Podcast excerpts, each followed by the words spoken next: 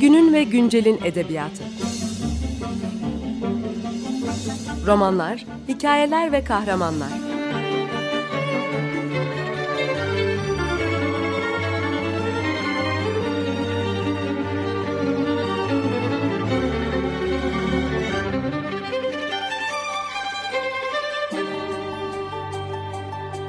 Hazırlayan ve sunan Seval Şahin.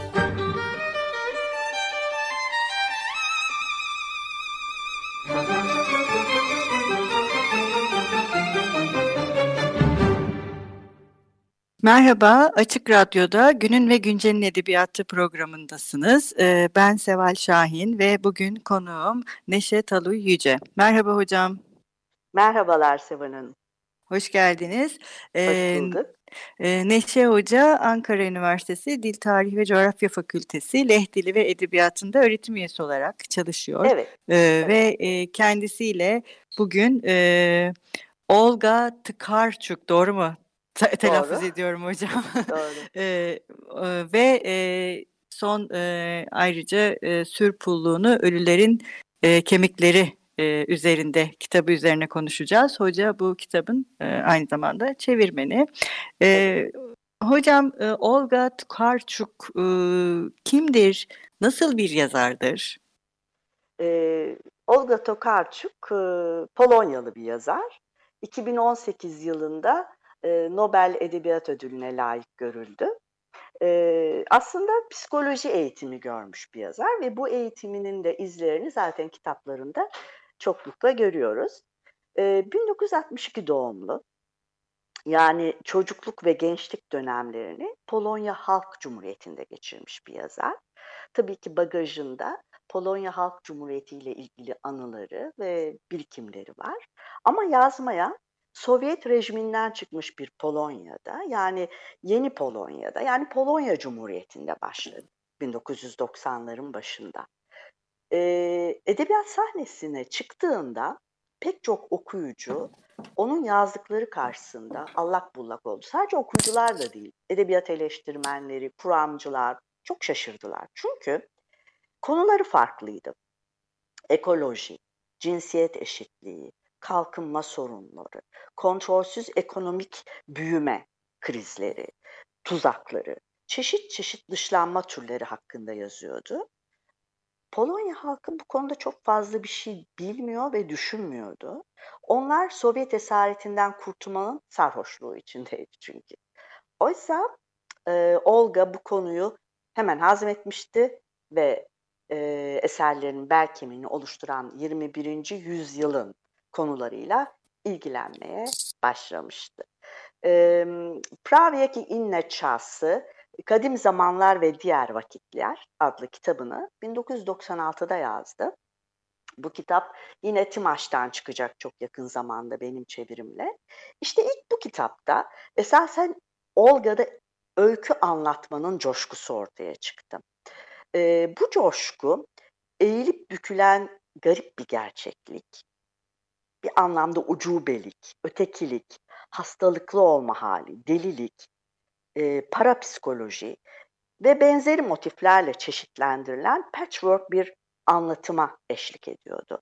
E, yani hiç kuşkusuz Olga Tokarczuk okuyucuların ihtiyaçlarını e, eleştirmenlerden ve edebiyat bilimcilerden çok daha önce anlamış olmalı. Çünkü e, bu tarz konular artık yeni Polonyalı okuyucunun e, dikkatini çekiyor. Hatta Polonyalı değil, evrensel konulardı bunlar e, parçalı bir biçimde kaleme aldığı e, bütünselliğe sahip olmayan anlatımını bu süre içerisinde oluşturarak e, arka arkaya birçok eser verdi. E, Türkçe'ye çevrilen eserleri söyleyeyim isterseniz. E, Gecenin ve Gündüzün Evi Anna Polat tarafından çevrildi ilk önce. Daha sonra benim çevirilerim geliyor. Bir öykü kitabı Aç Gözünü Artık Yaşamıyorsun e, Koşucular e, adlı e, romanı ve şimdi konumuz olan Sürpulluğunu Ölülerin Kemikleri üzerinde Türkçe'ye çevrilen romanlar. İşte dediğim gibi Praviyek ve İnne Çağsı, Kadim Zamanlar ve Diğer Vakitlerde yakın zamanda yine Türk okuyucuyla, okuyucusuyla buluşacak inşallah. Ne güzel. Şimdi e, dedim ki Olga çok dağınık bir patchwork bir anlatım e, sürdürüyor. Evet dağınık bir anlatım sürdürüyor ve bu ilk başta bir kaos izlenimi yaratabilir. Özellikle Koşucular adlı romanı okuyan e, okuyucularda. E, ama daha sonra bu bir düzene oturuyor. E, efsaneler, Jung arketipleri, masallar ve öyküler biçiminde oluşan e, bu parçalı anlatım aslında kahramanların önünde diğer dünyalar ve zamanlarla e, bir iletişim kanalları da açıyor. E, Tokarczuk nasıl yazar diye belki bir soru olabilir. Nasıl bir Evet, edebiyat lütfen. yazardır? E, kitabın İnsanların Yolculuğu diye bir kitap var. Olga'nın ilk kitaplarından. Podróż ludzi księgi. Bunun tanıtım bölümünde yazma eylemini kendisi şöyle tanımlamış. Roman yazmak benim için kendi kendine masal anlatmak gibi bir şey. Hani çocukların uyumadan önce yaptıkları gibi. Kendisi böyle anlatıyor. Yani böylece düş dünyası ve gerçek dünya arasında gidip gelen anlatım biçimini e, bu şekilde belirliyor. Evet, bu Seval'im. gerçekten. Kitapta da çok e, baskın. E, şimdi bu e, Sür Pulluğunu Ölülerin Kemikleri üzerinde e, kitabı aslında bu başlık William Blake'in bir dizesi. Evet. E, ve kitabın baş kahramanı da kitapta Blake'ten çeviri yapıyor. Evet, evet. Zaman zaman onu hatırlıyor. E, bu mesela bu kitap özelinde yaptığı bir şey mi? E, diğer kitaplarında da benzer bir şey yapıyor mu? Evet, evet çok enteresan. Şimdi e, diğer kitaplarında da Blake hayranı da bu kitap üzerinde özellikle çevirmenlere böyle bir de e, hoş bir selam göndermiş. E, çok e, güzel bir e, kitap gerçekten bu anlamda. Şimdi Olga e, Tokarczuk Sür Ölülerin Kemikleri adlı eserini 2006'da yazmış. Aslında yeni bir kitap değil bu. Yani en azından en son kitaplarından değil. Şimdi bununla alakalı bir röportaj yapmış. Ee, röportajda ilk sözcüğü şu. Dünya yanlış programlanmış diyor. Ve bunu da röportajın zaten başlığı yapmışlar. Dünya yanlış programlanmış diye. Şimdi bu bağlamda Blake'in mitolojisine bir gönderme yapmadan edemiyor. Çünkü e, bilindiği gibi William Blake'in mitolojisini belirlediği çalışması The Urizen Books'ta e, Blake dünyanın Tanrı Urizen yönetiminde bir e, makine olduğu gerçeğini e, ya da makine olduğu düşüncesini e, söylüyor.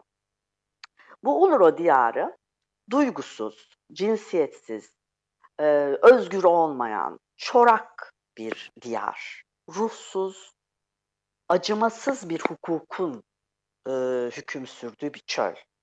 Hayal gücünün olmadığı bir dünya. Şimdi burada Olga biraz bizim dünyamıza benzetiyor aslında. Ee, doğa acımasız çünkü. Ee, insan doğadan daha da acımasız. Yine e, demin sözünü ettiğim röportajında e, empati bir tür hayal gücü diyor e, Olga. Ve diyor bu e, empatiye insanların çoğu bu empati yeteneğine sahip değil diyor ve doğru bir şey bu gerçekten de. Oysa diyor empati hayal gücünün duygusal, şefkatli bir uzantısı diyor. Bakın ne kadar hoş bir e, empati İfade. için bir betimleme. E, Olga hani sordunuz bütün diğer kitaplarında da var mı diye. Olga William Blake hayranı. E, Blake'in şöyle bir aforizması var biliniyor belki herkes biliyordur. Yaşayan her şey kutsaldır. Ee, işte bu kitabın e, bel kemiği aslında bu söz. Yaşayan her şey kutsaldır. İnsanlarda, bitkilerde, hayvanlarda. Ee, hayvanların insanlara eşit olmadığı bir dünya Ulro diyar kadar korkunç, e, distopik bir dünya Olga'ya göre. E, Blake'in e, mitolojisinden çok etkilenmiş Ulra. E, Blake'in bilindiği gibi çocukluğunda yaşadığı sanrılar onun hayata ve dine bakış açısını tamamen değiştirmiş yani Blake'in. E, ve bu sanrıların e, yine Blake'in sanatını şekillendirdiği söyleniyor. 4 yaşındayken başlamış bu sanrılar. İlk gördüğü sanrı hem korkunç hem de çok görkemliymiş. E, erkek kardeşinin penceresinden Tanrı'nın ona baktığını görmüş Blake. Ve bunu da zaten Ur- Books'ta kendisi şekillendirmiş sakallı, heybetli bir yaşlı adam olarak. Şimdi yine bu Timaş'tan çıkacak olan Kadir Zamanlar ve Diğer Vakitler adlı romanında da var bu konu. Blake'in yaşantısını, sanatını baştan oluşturan, yaşantısını değiştiren ve mitolojisini oluşturan bu sanrısını Olga yine romanda bu Kadim Zamanlar ve Diğer Vakitler adlı romanda bir başka kahramana yansıtıyor. Ve orada görüyoruz o çocuk kahramanda, çok normal olmayan çocuk kahramanda penceresinden Tanrı'yı görüyor. Ee, yani e, Blake hayranlığı Sürpulluğun Ölülerin Kemikleri Üzerinde adlı eseriyle kısıtlı değil. Ama açıkça e, belirtmesiyle, açıkça şiirlerini çevirerek yansıtmasıyla bu eserle taçlanmış e, diyebiliriz. Evet hocam devam edeceğiz ama isterseniz önce bir ara verelim. Ee, ne çalalım bugün? Ee, ne istersiniz? bir e, Onur Yüce e, adlı bir e, besteci ve sanatçımız var. Ondan bir şarkı çalabilir miyiz? Merhaba, Açık Radyo'da Günün ve Güncel'in Edebiyatı programındasınız. Bugün konuğumuz Neşe Talü Yüce ve Neşe Hoca'yla birlikte Olga Karçuk e, ve e, kendisinin çevirdiği Sürpulluğunu Ölülerin e, Kemikleri üzerinde kitabını konuşuyoruz. E, ve e, bu programın ilk bölümünde hoca e, kısaca Olga'nın edebiyatından e, bahsetmişti ve biraz da William Blake üzerine, e, William Blake'in onun eserleri üzerindeki etkisinden de bahsedip bir e, mola vermiştik. Bir şarkı çalmıştık Onur Yüce'den değil mi hocam? Evet. Belki de benim en güzel yanım sensin. Evet. En sevdiğim parçalardan birisi. evet. Belki de Olga'nın en güzel yanlarından birisi e, muhteşem bir e, insan sever olması. Sadece hayvan sever değil. Evet. Doğru. Ee, hocam kitap e, gerçekten e, sizin de programın ilk başında bahsettiğiniz, ilk bölümde bahsettiğiniz gibi e, patchwork gibi bir eser. Diğer evet. eserlerinde evet, olduğu evet, gibi evet. E, ve aslında türler arasında da gidip gelen bir eser. Tabii, yani tabii. bu kitap birçok e, türde okunabilir. Yani benim e, biraz polisiye ile de ilgilendiğim için hem polisiye evet. bir yanı var kitabın. Evet. Ama mesela bu polisiyeyi e, polisiyelerdeki gerilim atmosferini e, o sizin ilk bölümde bahsettiğiniz belki masal ve mitleri de kullanmasıyla şiirsel evet. bir olağanüstülüğe çeviriyor. Çok güzel, çok doğru söylüyorsunuz. Aynen öyle, evet, evet. E, bu e, yani Olga Olga'nın edebiyatının e, bu kitap bağlamında yaptığı bir şey değil sanırım. Fakat yok, türleri yok, genelde genelde yani böyle. türleri e, bu şekilde dönüştürüp tamamen bambaşka bir şeye e, çevirmesi e, de çevirmesinde bu dili kullanımı da e, önemli bir şey sanırım. Öyle çok, değil mi? Çok çok önemli. O kadar güzel bir yere e, dikkat etmişsiniz ki e, ben böyle dikkatli okuyucuları gerçekten çok seviyorum. Çok teşekkür ederim. Şimdi bu e, mesela bazı şeylerde şöyle çıktı işte Olga'nın polisiye e, eseri falan. Bu bir polisiye eser ya da bir gerilim romanı değil. Bu bir pastiş aslında. Polisiye ya da gerilim pastişi. Ya biliyorsunuz tabii Olga e, Tokarczuk postmodern bir yazar. Dolayısıyla türler arasında koşturması tabii biraz da postmodern havasından kaynaklanıyor. E, e, tabii ki e, gerginliğin yerini hani e, şiirselliğe ve masala bağlan sıla e, bırakması ya da bununla bağlaması rastlantısal değil. Bunu pek çok eserinde yapıyor zaten. E, şiirden daha ziyade e, masalsı bir anlatım e, diyebiliriz belki. E, yazar çünkü her yazısıyla yeraltı dünyasında dolaşmayı, e, okuyucuyu alternatif metinlerde, e, kültürel metinlerde, arketiplerde ve mitlerde gezdirmeyi çok seviyor. Ve dolayısıyla işte bu tür e, karmaşası demeyeyim aslında karmaşa değil, bili, bilerek yapılan bir patchwork bu da, bir tür patchwork bu bağlamda ortaya çıkıyor. Şimdi kendisini hiçbir yere, hiçbir türe, hiçbir e, mekana ait olmadan, ait hissetmeden edebi bir yolculuğa çıkıyor Olga. Böylece bambaşka dünyalara götürüyor okuyucuyu. Ee, belki şiirsel, belki masalsı, belki her ikisi birden. Çünkü her masalda şiir, her şiirde bir masal var ne de olsa.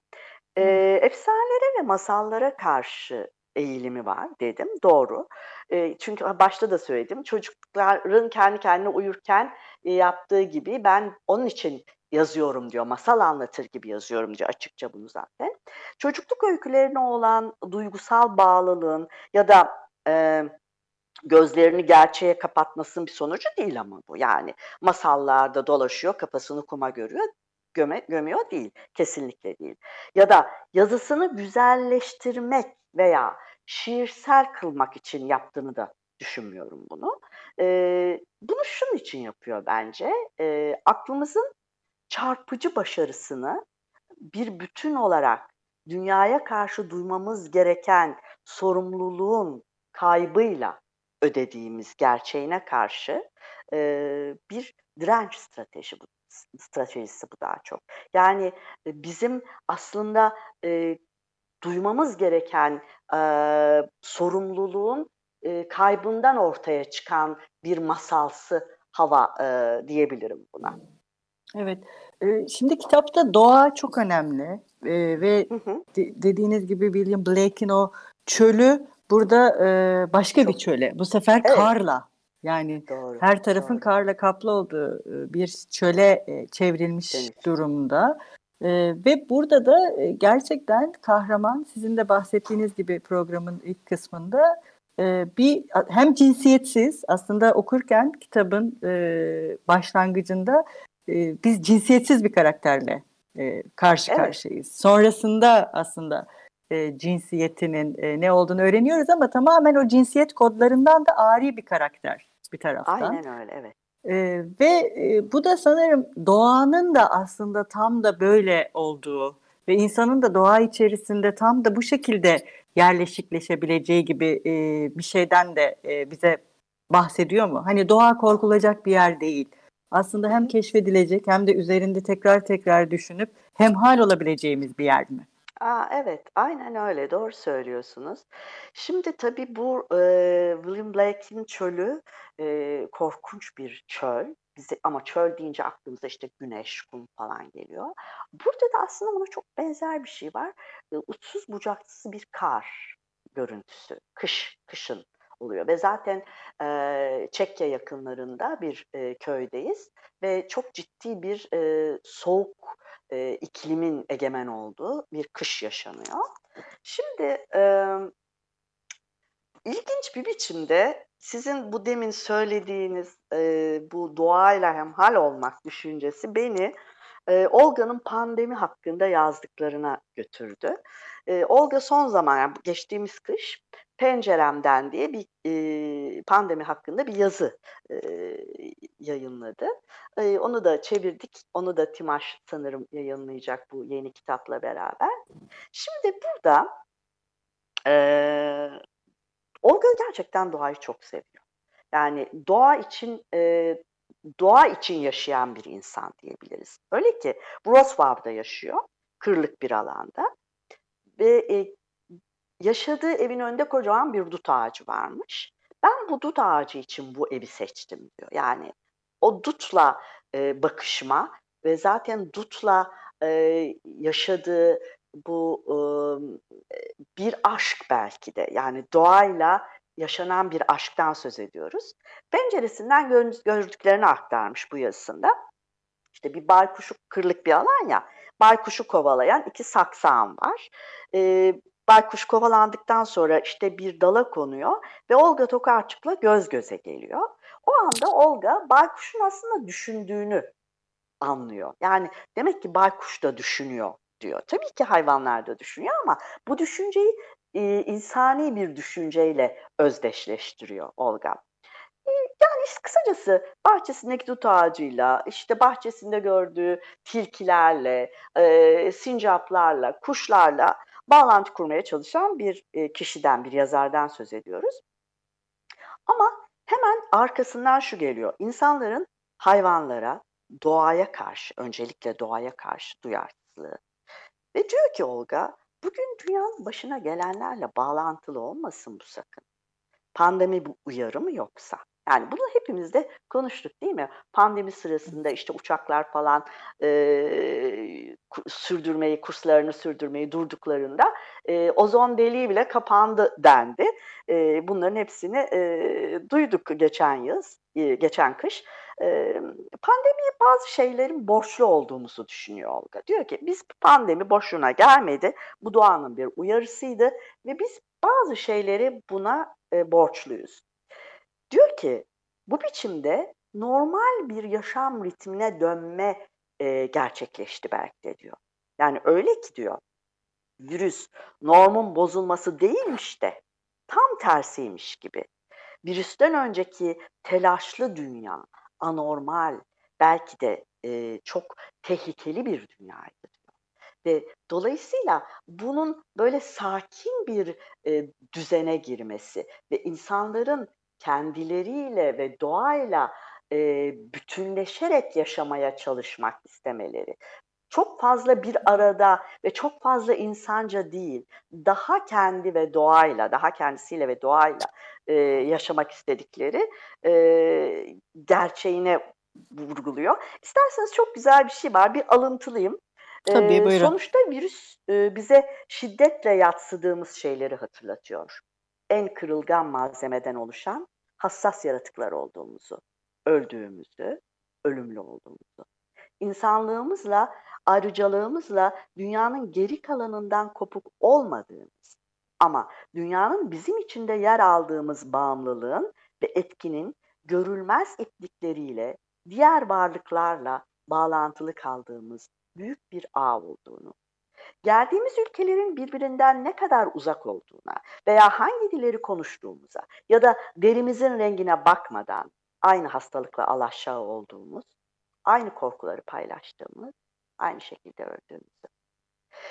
Şimdi bu, bu kadar güzel, o kadar şiirsel yazıyor evet, ki gördüğünüz çok gibi. Güzel. Ee, evet. Bu çok tabii güzel. ki bu bana hemen Blake'in Yeryüzünün Yanıtı adlı bir şiirini e, e, hatırlattı. Müsaade ederseniz e, bu şiirle Olga'ya bir e, birkaç dizeyle selam göndermek isterim.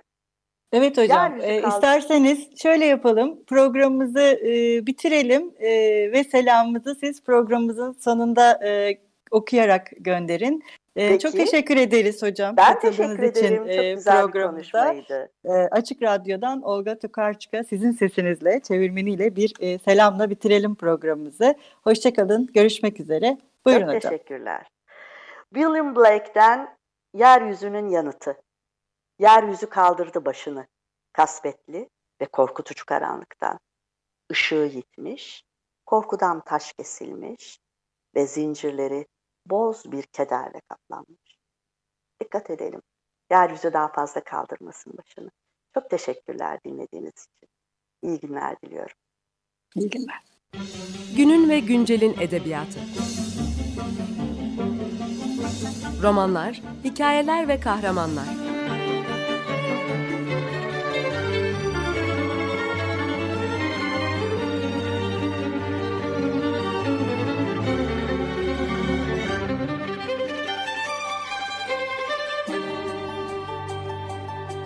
Hazırlayan ve sunan Seval Şahin.